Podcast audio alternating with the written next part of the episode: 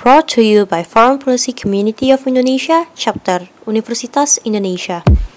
Techno-Orientalism has integrated revelations to the rising of Asian hate as Asians are often portrayed as socially unequal to other races in cultural productions, specifically in science fiction.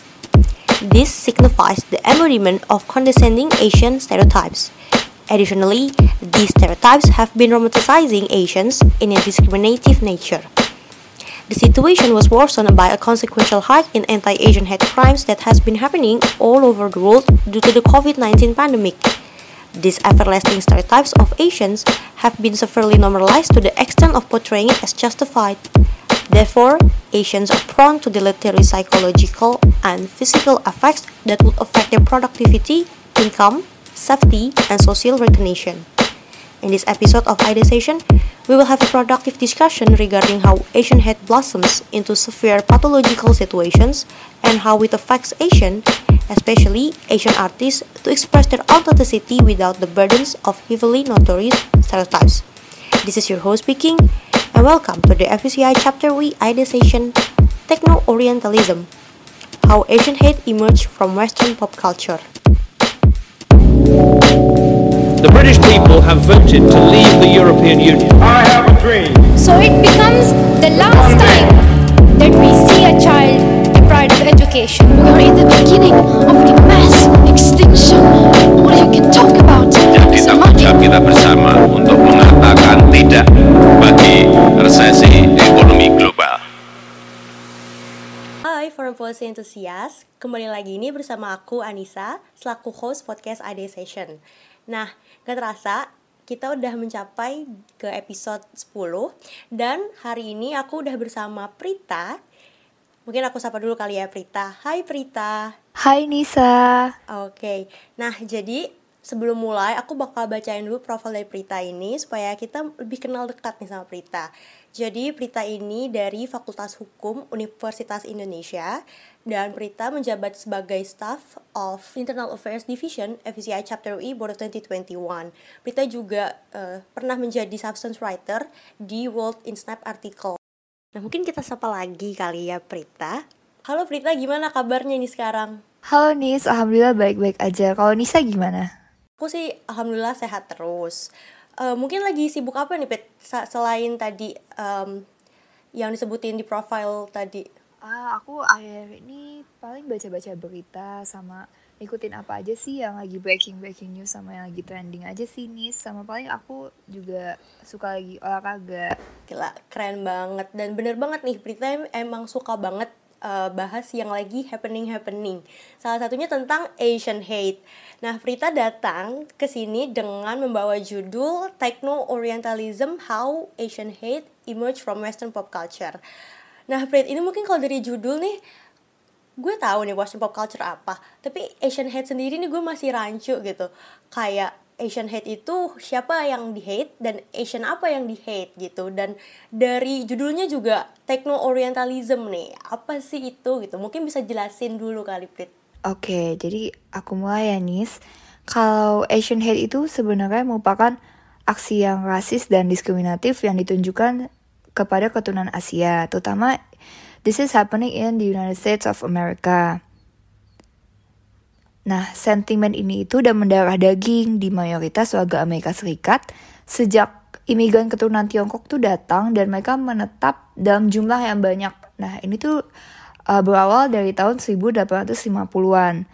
Nah, sebagian besar imigran dari Tiongkok ini mereka bekerja tuh di sektor pertambangan dan juga konstruksi jalur kereta api. Dan permintaan demand akan tenaga kerja mereka itu sangat tinggi.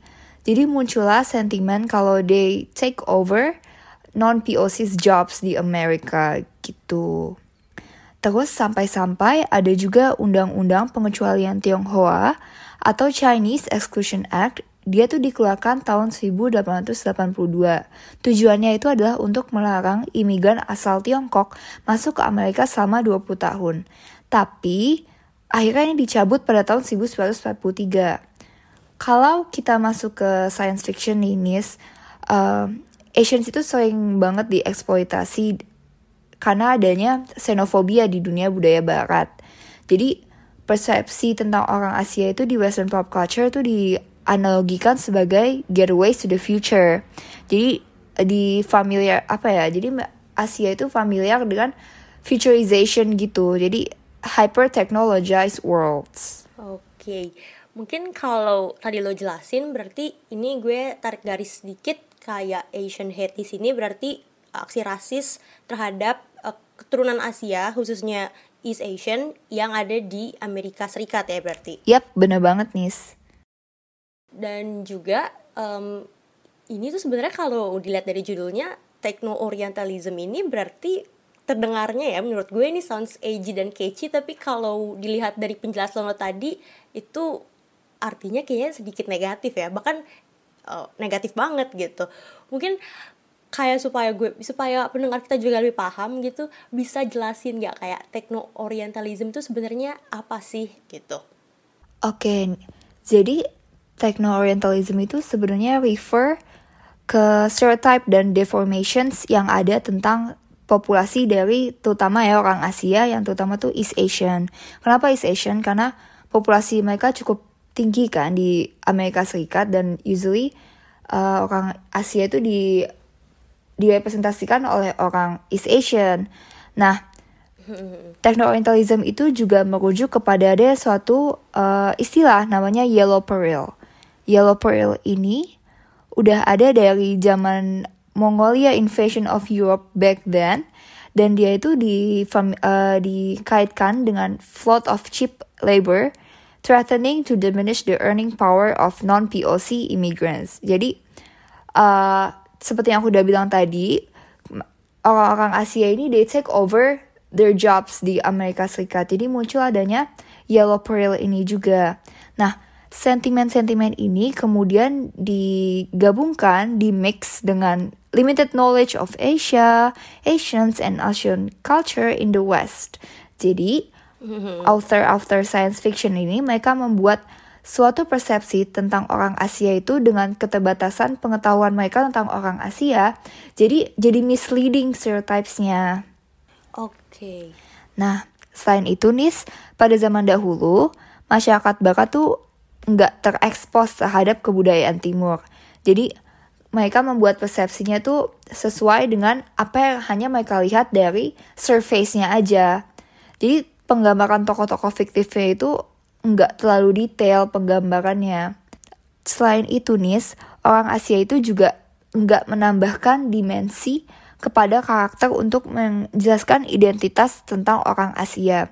Tapi instead, they only take on literals in science fiction just because of their exoticness, just because they're exotic gitu nis. Berarti uh, ini tuh mereka ada dalam satu karakter itu bukan karena memang dibutuhkan, tapi lebih ke penambah pemanis lah ya. Yes, so true. Jadi they only um, karakter Asia itu hanya ada untuk plot bukan sebagai identitas Asia tapi hanya sebagai pemanis yang uh, Anissa tadi bilang. Jadi it's only because of their their exotic and their Asianness that they can offer to the plot. Selain itu, ada juga nih portrayal dari wanita Asia pada tahun 1960 dan 1970-an ini. Dia cenderung dinilai sexualizing. Jadi they sexualize the role of Asian woman yang dibilang kalau orang Asia ini terutama wanita tuh hanya sebagai objek untuk memuaskan hawa nafsu laki-laki non POC. Oke. Okay. Jadi adanya stereotip-stereotip ini yang membuat orang Asia tuh cenderung direndahkan di uh, Western pop culture. Selain itu, ada juga whitewashing terutama di dunia Hollywood. Jadi banyak banget yellow yellow face. Jadi kayak misalnya peran-peran orang Asia diperankan oleh non POC. Jadi, oh ya kita jelasin dulu kali ya nih non POC itu apa ke para pendengar biar lebih familiar. Oh ya, boleh boleh. Jadi sebenarnya non POC itu adalah uh, orang-orang, sorry POC itu adalah people of color yang berarti they came from different backgrounds other than Caucasian. Jadi bisa Asians or bisa races lainnya selain Caucasian. Jadi itu namanya people of color. Lalu uh, selain itu ada representasi orang Asia dalam dunia Western pop culture itu sangat kurang. Jadi stereotip ini makin kuat de- karena representasi orang Asia itu juga kurang kan. Iya benar. Selain itu, techno-orientalism itu juga muncul karena the rise of Japan, terutama pada tahun 1980. Perekonomian Jepang itu mulai mengalami uh, kenaikan yang signifikan, economic success yang signifikan. Jadi, orang Amerika itu menganggap ini adalah sebuah threat kepada perekonomian mereka juga. Jadi this is they take this as a matter of urgent national interest. Jadi it will require Americans to prevent Japan Japan economics to rise gitu. Jadi mereka malah memperkuat stereotip ini untuk apa ya dia tidak mau kalah dari kekuatan perekonomian Jepang. Nah, panik kepanikan dari uh, kenaikan ekonomi Jepang ini membawa suatu hasil kepada film-film Hollywood yang yang uh, cenderung techno orientalis bukan cenderung lagi ya malah techno orientalis contohnya ada Blade Runner and The Matrix. Jadi dia memvisualisasikan uh, anxiety-nya Amerika terhadap kesuksesan dan kenaikan ekonomi dari Jepang tersebut. Oke, berarti kalau gue simpulin sedikit tadi, techno orientalism ini maknanya em, lebih ke bagaimana eh, Barat itu perspektif Barat melihat eh, negara-negara eh, Asia gitu sebagai yang dipandangnya eksotis dan kehidupannya tuh eh, udah maju, canggih gitu. Berarti sebenarnya techno orientalism itu adalah dari sudut pandang orang-orang Barat berarti kan ya, Prit? yes so true Nah, yang muncul eh, yang menjadi pertanyaan dari gue adalah kenapa bisa sih muncul stereotip orang-orang Asia gitu, khususnya dalam film-film itu gitu. Maksudnya kalau tadi kan mungkin udah dijelasin kayak eh, sejarahnya, eh, tapi bentuk konkretnya gitu loh, kayak kok bisa ada akhirnya bentuk-bentuk stereotip itu dalam film gitu. Oke, jadi selain tadi yang udah aku jelasin, Nis, itu juga diperparah dengan adanya perang dunia. Hmm, Oke. Nah, perang dunia ini stereotip-stereotip yang dihadapkan terhadap Asian woman yang desexualized itu masih terbawa eh, sampai ke perang dunia itu. Jadi banyak banget nih diskriminasi yang dihadapkan kepada orang Asia pada saat perang dunia tersebut, terutama orang Jepang dan Tiongkok. Jadi mereka dihadapkan kepada spotlightnya tuh negatif dan dianggap sebagai evil Asians. Nah, stereotip inilah yang membawa ke Western pop culture. Jadi peran-peran Asia itu either they're villainous, evil, or they're just there for love. Jadi kayak uh, mereka dibuat peranannya tuh peranan-peranan yang jahat atau enggak peranan-peranan yang bisa ditertawakan. Gitu nih. Oke oke, I see, I see. Hmm, contohnya ada di Breakfast at Tiffany's walaupun ini bukan science fiction tapi I feel like I need to um, masukin ini di Breakfast at Tiffany's ada namanya Mikey Rooney dan juga ada peran orang Asia yang dapat untuk condescending to serve POC man contohnya di Gangadin. Jadi uh, Asian characters itu take on lead roles in science fiction itu tadi aku ulang not because they're Asian but because of what their Asianness offers and its intrinsic exotic establism of them as the other gitu nih. Oke. Oke nih, so selain itu aku juga mau uh, kasih contoh lagi dalam buku The Wine Up Girl. Jadi identitas para karakter Asia itu harus di label. Nah, labelization itu that's what matters the most gitu loh di buku itu. Kayak misalnya uh, the the character being Chinese and the character being Korean or being white itu makes a difference. Padahal seharusnya it doesn't have to make a difference kan. We're all made equal. Kayak if you're Chinese, Koreans, or if you're even American, we're all equals. Nah, tapi di buku ini itu dan di budaya Western pop culture, being Chinese and being Korean tuh is different. Jadi uh, kalau misalnya you're not you're supposed to be Korean but you're actually Chinese di plot itu it will make a big difference for the plot. Jadi ethnic identification-nya itu berbeda. Sedangkan kalau yang non POC they don't have to be labeled. Nah, this labeli- uh, labelization ini yang membuat disrupted lah identitas orang Asia di Western pop culture. Nah, selain itu di The White Up Girl ini, peran Asia juga di dehumanize lewat mechanization of Asian countries. Jadi uh, di dunia ini kan paling banyak negara yang populasinya paling banyak itu adalah China dan Tiongkok dan India kan. Nah ini fakta ini juga masuk ke dalam budaya Western pop culture. Jadi orang-orang India dan orang Tiongkok itu mereka disosialisasikan dengan cheap uh, and replaceable labor. Nah jadi Iya. ini sampai ada di science fiction peran-peran mereka ini di dia humanize sebagai mechanical and dehumanized labor begitu nih. Nah selain itu ada juga nih kalau di film-film itu biasanya orang Asia dilihat dari perspektif yang colonized. Nah dari mereka berbusana aja tuh udah berbeda. Nah are you this are you familiar with the term Chongsam? Oh, I know, I know. Eh, karena gue dan keluarga gue suka nonton eh, film Hong Kong dulu, jadi cukup familiar sama apa namanya pakaian Chongsam gitu. Eh, mungkin ini kali ya kasih brief eh, introduction dulu kayak apa itu Chongsam kali ya, Prit. Boleh boleh. Eh, jadi eh, Chongsam itu semacam pakaian eh, untuk eh, biasanya sih kalau hari raya Imlek tuh kan eh, teman-teman kita yang merayakan biasanya perempuan tuh suka pakai eh, namanya Chongsam. Probably sebutannya lain-lain karena Chongsam itu dari bahasa Kanton dan biasanya dituturkan di Hong Kong. Jadi bi- eh, kalau mungkin bahasa Mandarinnya kipau gitu dan Chongsam ini menarik karena Chongsam ini salah satu pakaian tradisional eh, dari Tiongkok yang sudah di westernisasi gitu. Eh, dia itu kan tampilannya cukup apa ya fit to the body gitu kan. Sedangkan kalau yang dulu-dulu Chongsam itu dia lebih eh, loose gitu modelnya.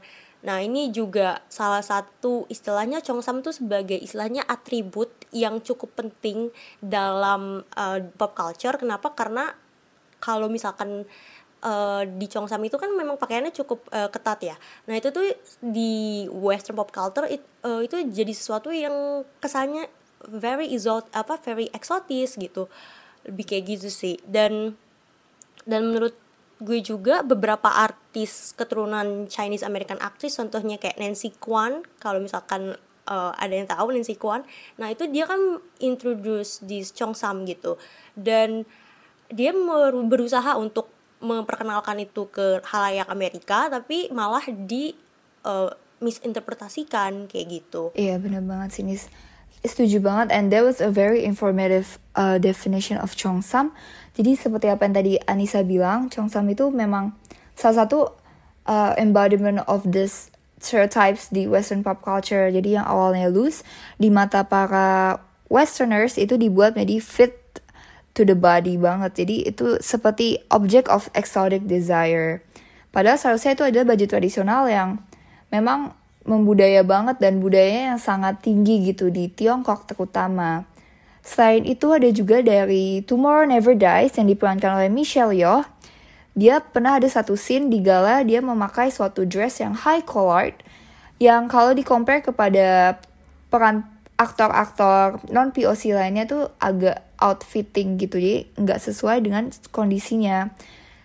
Jadi dia nggak dibuat cocok dalam film itu padahal dia adalah perannya di situ. So it's quite weird to see that kind of scene. Oke. Nah, selain itu ada film Ninis, ada film yang lebih populer namanya Ex Machina. Pasti you're familiar with that film, right? ya ya. Cukup familiar. Ya, jadi di Ex Machina ini terdapat satu peran namanya Kyoko. Dia ini dimainkan oleh Sonoya Mizuno. Dan di film tersebut, she plays a role as a silent Japanese servant yang uh, is not fluent in English. Dan gak cuman dia itu silent, dia tuh juga compliant and obedient. Dan dia harus men-serve namanya Nathan. He's a POC man dan without complain jadi padahal si Nathan ini suka mistreatment dia even si Kyoko ini has to fulfill Nathan's sexual desires nah what do you think of this Nis? menurut gue sih kalau ini ex uh, Machina apalagi karakter robot Kyoko ini ini benar-benar visualisasi dari uh, framing uh, barat terhadap uh, Asian woman gitu kayak um, kadang sering dikaitkan dengan kayak geisha girl stereotype gitu kan yang dia submisif terus yes man penurut gitu. Dan ini juga sebenarnya hal yang cukup relevan gitu. Bahkan kayak di Indonesia sendiri juga perempuan diharapkan society seperti itu gitu. Jadi I think it's really really a visualization dari apa yang mereka ya mereka ini maksudnya adalah uh, uh, apa orang-orang barat ini harapkan gitu dari Asian woman khususnya kalau menurut gue gitu sih Iya bener banget sih Nis. Ini ini juga the embodiment of like a discriminative stereotype towards Asian woman. Ada juga film uh, yang baru-baru ini dirilis namanya Raya and the Last Dragon dari Disney. Oh iya itu cukup populer lah ya istilahnya eh, karena salah satu animasi Disney yang dia eh, membawa banyak eh, budaya ya dalam filmnya gitu. Yes, bener banget. Jadi ini uh, film Disney pertama yang kartun yang ani- animasi yang membawa budaya-budaya Southeast Asia. Jarang-jarang gak sih film Hollywood yang memberikan spotlight kepada budaya Southeast Asia? Ya jarang banget sih. Tapi ada beberapa kritik dalam film itu ya kan? Yap, bener banget. Nah, kritiknya itu apa sih? Jadi, dalam film tersebut, kan negara Southeast Asia itu ada 11 negara dan tentunya dari 11 negara itu budayanya kaya-kaya, intricate, intricate dan pastinya sangat deep banget to the roots. Tapi dalam film tersebut, budaya-budaya dari 11 negara tersebut digeneralisasikan dan dibuat menjadi satu budaya saja. Jadi itu seperti nggak adil untuk 11 negara Southeast Asia and the hundreds of distinguished cultures within them to claim this movie is meant to publicize all of Southeast Asia. Jadi, if you even kalau dari trailernya aja itu udah bisa dilihat banget kayak at one scene dia lagi nge-portray uh, Thailand, at one scene dia lagi portray Indonesia, at one scene lagi portray Philippines, at one scene Laos itu kan kayak you generalisasikan banget mengeneralisasi dari semua budaya-budaya Southeast Asia. Iya ya. Bahkan ada kritik dari suatu pengamat film tuh dia bilang gini, treating the conglomerate of Southeast Asian cultures as one influence in the colonizers' easy way out, itu adalah suatu ethnocentric constraint on what Asians amount to one group. Jadi dalam film Raya and the Last Dragon ini dia mengklasifikasikan semua budaya dari 11 negara Southeast Asia aku tuh ke dalam satu film. Which is for me, personally it's very generalizing dan gak sesimpel itu gak sih membuat semua budaya itu menjadi satu film gitu. Iya sih. Karena jadinya tuh itu seolah-olah kayak mix up gitu ya. Semuanya jadi campur aduk gitu. Padahal em, untuk memportray dari Southeast Asian aja harus dipertanyakan kan. Southeast Asian yang mana yang mau di portray gitu. Yang yang mana yang mau diberikan spotlight gitu. Mungkin itu eh, itu mungkin jadi salah satu kritik yang paling eh, apa sih major kritik dari eh, Raya and the Last Dragon ini. Bener banget sih, Nis. Cuman lagi-lagi medianya film gitu. Itu kan salah satu media yang cukup soft gitu ya, kayak kok nggak langsung merasakan dampaknya gitu. Bahkan kita kalau nonton film kita enjoy gitu tanpa kita sadar film-film yang tadi disebutin kayak Ex Machina, Ryan the Last Dragon, terus mungkin film-film science fiction lainnya kayak Blade Runner itu banyak memportray eh, Asia secara tanda kutip ya merendahkan gitu. Eh, kayak ada nggak sih dampak sosial ekonominya gitu yang bener-bener langsung dirasakan gitu gara-gara eh, stereotip yang diberikan dalam western pop culture ini. Oke, jadi aku akan jelasin pertama dari khalayak umum dulu ya. Kalau for the people itself, especially to Asian Americans, uh, stereotype-stereotype tersebut itu diinternalisasikan kepada kehidupan nyata. Jadi apa yang dilihat dalam film-film itu secara subconsciously mereka bawa itu juga ke kehidupan nyatanya. Jadi mereka di face terhadap stereotype-stereotype tersebut. Jadi mereka nggak bisa uh, hidup tanpa adanya stereotype-stereotype tersebut, terutama di Amerika. Jadi they're faced with the very discriminative stereotypes living in America, even though mereka nggak semuanya seperti itu gitu nih. Jadi itu sudah membudaya gitu nih stereotype-stereotype tersebut. Oke, sudah terinternalisasi lah ya. Mhm. Selain itu, untuk Asian Americans yang ada di dunia film, it's very difficult for them to find the perfect role without any discriminations gitu. Jadi untuk jadi lead role aja tuh udah susah banget.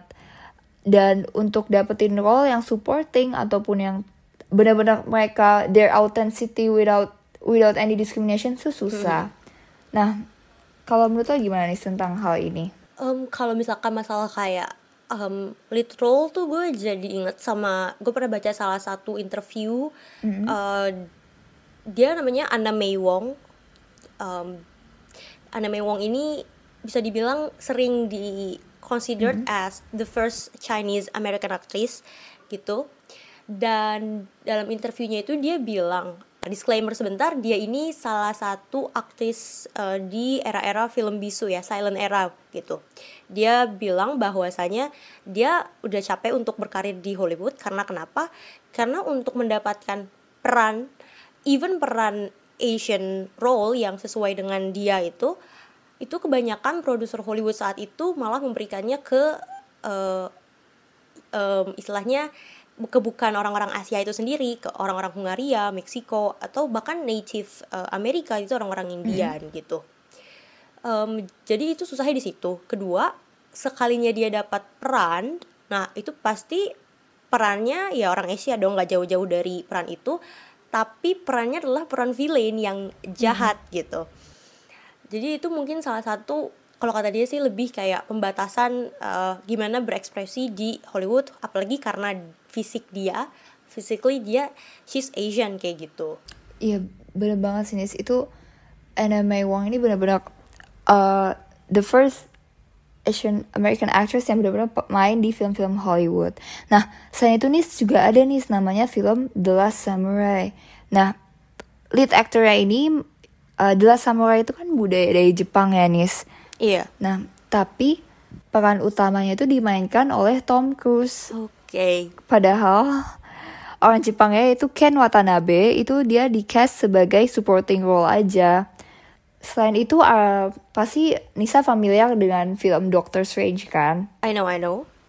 Nah di Doctor Strange itu ada seorang Tibetan uh, kayak ada guru gitu, ada ada monk, ada suatu biksu yang dia yang dia ketemu di di India apa di Tibet ya kalau nggak salah. Iya. Uh, dia pas pas Doctor Strange mengalami kecelakaan dia pergi ke uh, ke Tibet untuk melaksanakan suatu proses healing dan di proses healing itu dia ketemu seorang guru namanya Wong.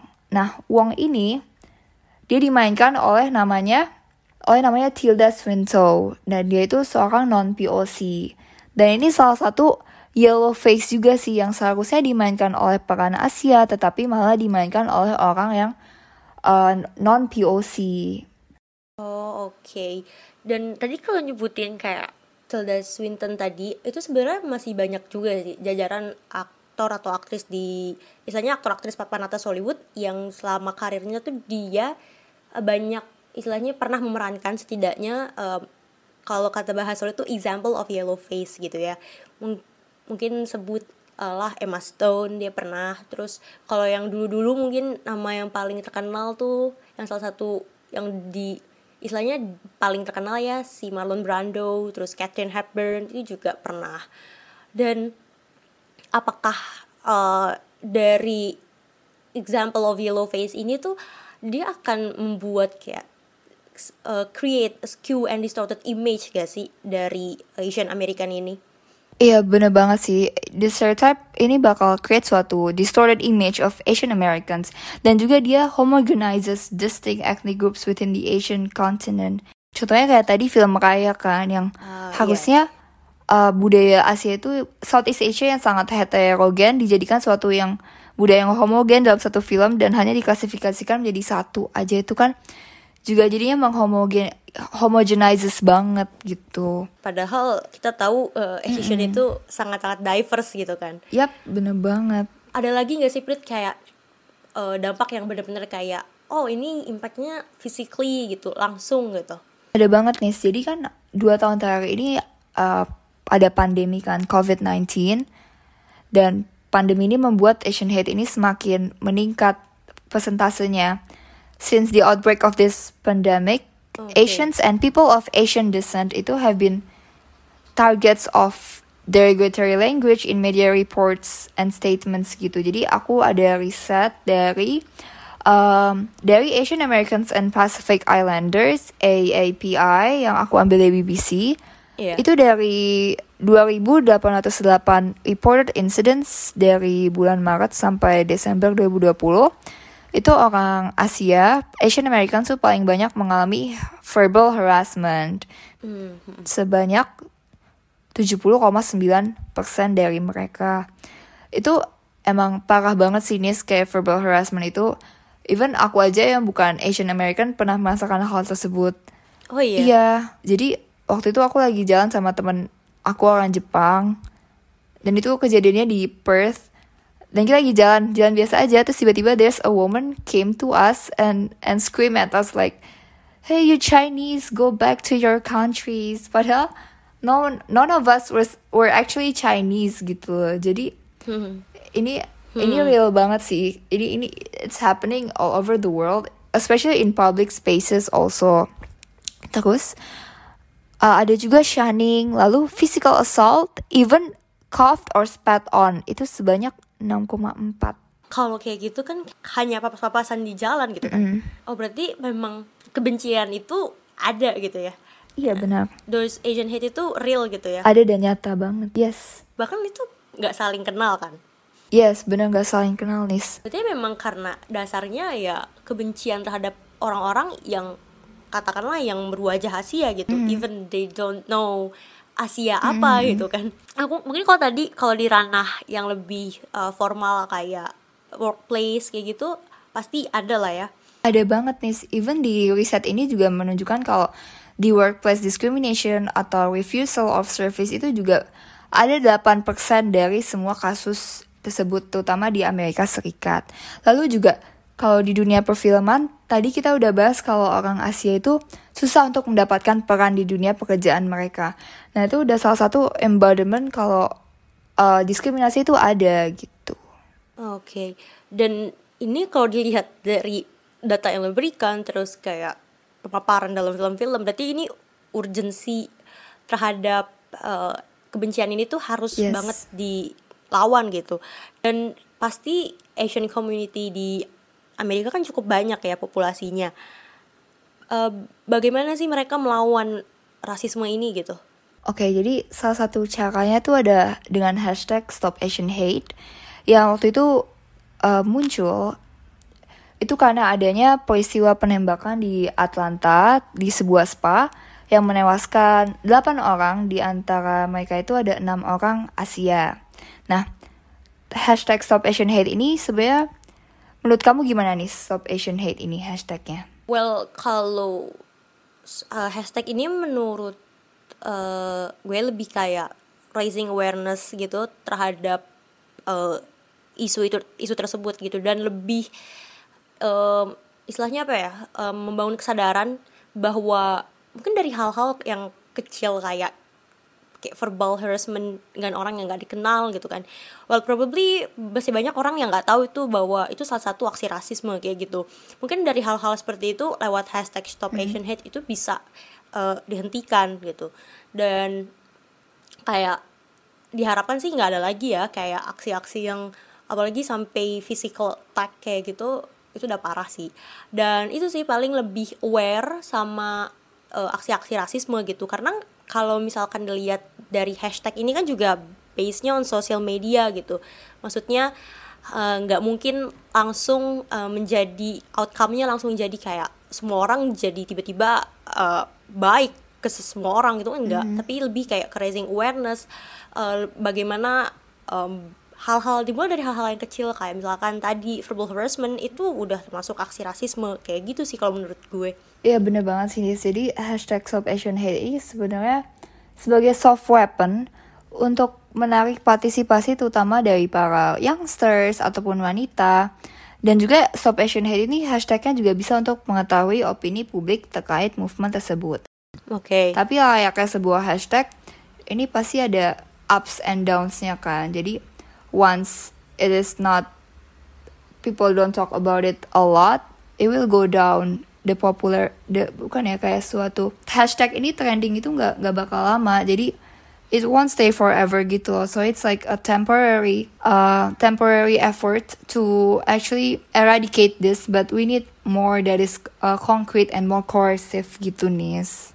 karena ini memang juga hashtag gitu kan Eh, jadi mungkin trendingnya akan cenderung menurun gitu dan lebih ini gak sih Peter, lebih konkret lagi kalau misalkan karena ini tadi dari pop culture akan lebih konkret lagi kalau penyelesaiannya juga lewat representasi orang-orang Asia di uh, Western pop culture ya kan ya Yes, bener banget nih. Jadi salah satu untuk eradicate Asian hate juga bisa uh, more Asian representatives in Western pop culture. Tapi for me, I think personally we're leaning towards progressiveness karena udah banyak banget bermunculan aktor Asia, directors Asia, film-film Asia, produksi orang-orang Asia yang udah mulai di acknowledge sama Hollywood gitu. Contohnya ada di film uh, Spirited Away. Siapa sih yang nggak familiar dengan film Ghibli ini?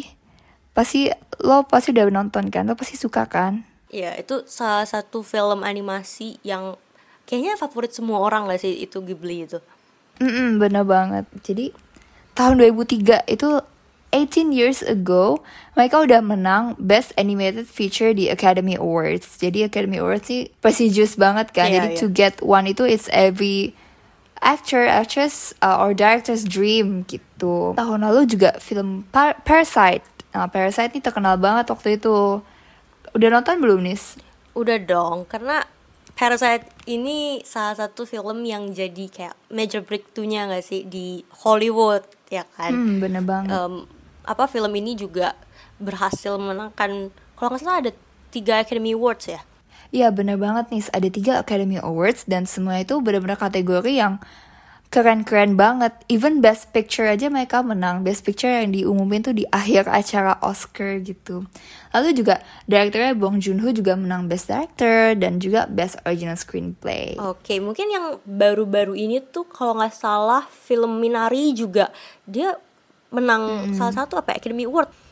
Iya, Minari juga tahun ini memenangkan Best Supporting Actress. Jadi Minari ini juga salah satu film yang menceritakan seorang keluarga uh, Asia yang pergi ke Amerika to live the American dream.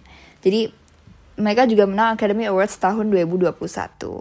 Kalau dilihat dari ini film-film yang menang baru-baru ini kayak Parasite, Minari bahkan mereka tidak membawa uh, Asian culture di film-filmnya kan dan lebih ke generally itu film-film uh, keluarga, film general biasa aja ya kan. Yes, so true. And their the cast itu are all Asians. Jadi aktornya yang main di sana juga Asia, orang Asia semua. Bahkan uh, production team the majority or of them are Asian. So it's a great achievement to be proud of. Oh mungkin kalau yang Disney tadi tuh juga Ryan The Last Dragon tuh juga masuk lah ya.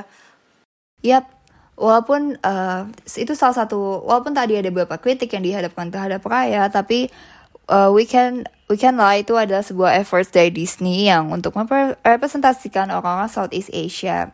Even though it's not yet perfect, but it's still uh, a way to show the representation of Asians di Hollywood. Oke. Mungkin kalau jadi ngomongin Disney gue jadi ingat ada Big Hero 6 itu juga termasuk kan ya representasi Asia di Disney gitu. Yes, Big Hero 6 juga termasuk. Jadi Big Hero 6 itu dia memperkenalkan San Francisco itu di Japanified. Jadi namanya San Francisco dan di sana uh, ada orang Asia itu disosialisasikan sebagai orang-orang yang hobi banget merakit robot. Nah, The Notion ini evident di karakternya Baymax. Ya. Baymax Iya, yang iya. lucu itu yang Baymax nih, who's not familiar with Baymax, yang dibuat oleh Tadashi, Japanese university student. Jadi Big Hero 6 itu juga uh, representasi orang Asia but in a more positive spotlight. Oke. Ada juga film yang terkenal banget dan ini lucu banget sih filmnya menurut aku, Crazy Rich Asians. Oh, ya itu sangat-sangat terkenal dan sempat booming juga ya kan film itu. Yes, bener banget. Dan ini mereka menceritakan tentang kehidupan ekstravagan dari orang Asia, terutama yang tinggal di Singapura.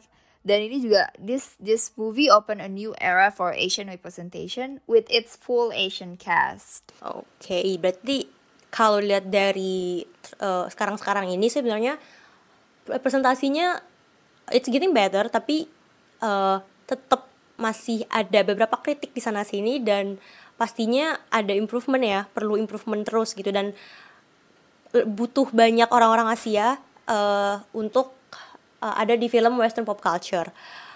Uh, nah Prita sekarang kita masuk ke sesi Q&A. Udah ada pertanyaan yang cukup bagus banget dari Ed Josin Rap.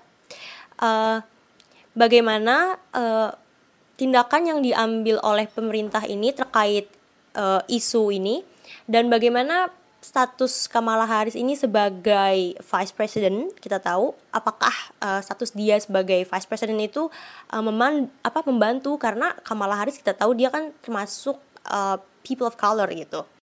Oke, okay, thank you banget Justin Web atas pertanyaannya menarik banget benar nis.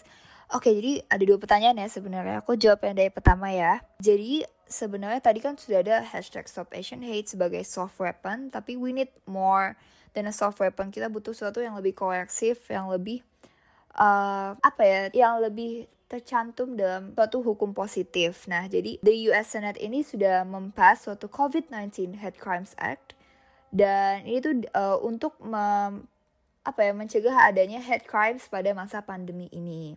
Nah ini udah didukung oleh beberapa senator seperti K. Hirono dari Hawaii, Tammy Duckworth, dan juga Representative Grace Mann. Nah ini tinggal menunggu persetujuan dari Presiden Bill apakah he will sign the bill into law or no. So it's in progress. And let's see how this works out sih. Jadi ini lagi di progress undang-undangnya. Nah, lalu yang kedua, apakah Kamala Harris as a vice president help? Jadi uh, Harris ini di kalangan Asian American ini sebuah seseorang jadi Harris ini di kalangan Asian American ini seseorang yang dihormati lah. She's widely respected. Tapi a lot of Asian American leaders too have made it clear kalau a VP alone is not enough. Karena seorang profesor dari San Francisco State University namanya Russell Russell Jung dia bilang kalau we need more than vice president karena Asian hate ini adalah national issue that deserve the highest level of coordination and a whole of government approach. Jadi Harris is a great start, a great breakthrough, but we need more than vice president to actually eradicate this issue. Berarti um, di secara dari apa ya, yang kebijakan-kebijakan yang uh, dibuat juga ini udah uh, getting better ya. Nah, karena nggak terasa nih Prita udah uh, sampai uh, di akhir sesi bincang-bincang kita di episode kali ini. Mungkin aku akan tarik kesimpulan dikit uh, bahwa gerakan Nation Hate dapat diidentifikasi melalui penggambaran orang-orang Asia yang cenderung direndahkan dalam Western pop culture. Stereotip ini telah terinternalisasi dalam kebudayaan Barat, terutama di Amerika Serikat. Uh, gerakan ini diperparah dengan adanya COVID-19 yang menyebar secara pesat ke seluruh dunia. Tentunya efek dari gerakan ini mempengaruhi stabilitas keadaan sosial, ekonomi, dan uh, politik. Oleh karena itu, uh, sebagai bagian dari masyarakat internasional yang mendambakan keadilan serta kesetaraan di seluruh dunia, gerakan ini tentunya harus diperangi sedalam-sedalamnya. Oke deh Prita, mungkin ada tambahan dari Prita nggak? Oke, mungkin aku kasih beberapa references aja. Selain uh, dari jurnal-jurnal. Oh ya, aku sebutin dulu referencesnya ya, Nis. Jadi Pertama ada deskripsi Isabel Panner judulnya The Marginalization and Stereotyping of Asians in American Film. Lalu ada jurnal dari Marley D and Robin Skay, Techno-Orientalism Japan Panics, dari jurnal Spaces of Identity, Global Media, Electronic Landscapes and Cultural Boundaries. Lalu juga ada dari University of Minnesota oleh J.C. Park, Yellow Future Oriental Style in Hollywood Cinema. Dan selain jurnal-jurnal ini bisa tonton juga film-film yang tadi kita udah sebutin. Oh iya bener banget tuh. Kayak misalnya uh, bisa dimulai dari Crazy Rich Asians, Big Hero 6, Parasite, Raya and the Last Dragon, dan juga Ex Machina atau Blade Runner. Begitu nih. Bener banget tuh. Jadi selain referensi tadi yang disebutin oleh Prita ini boleh banget uh, film-film tadi yang udah disebutin atau uh, buku-buku tadi uh, satu yeah. buku tadi juga disebutin sama Prita ya di awal perbincangan itu bisa banget uh, jadi referensi bacaan gitu. Oke deh Prita, aku mau say thank you banget nih karena udah meluangkan waktunya di tengah kesibukannya untuk bisa ngobrol-ngobrol di podcast ID Session buat episode kali ini. No, thank you so much Anissa for the opportunity. Oke deh, aku juga mau thank you banget buat para pendengar yang masih mendengarkan hingga episode dan menit ini. Uh, jangan lupa follow Instagram kami at.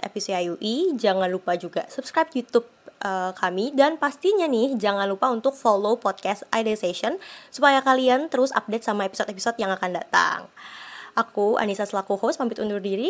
Episode Chapter Board of 2021 Thrive with Intelligence. The British people have voted to leave the European Union. I have a dream. So it becomes the last time that we see a child deprived of education. We are in the beginning of a mass extinction. Jadi tanggung jawab kita bersama untuk mengatakan tidak bagi resesi ekonomi global.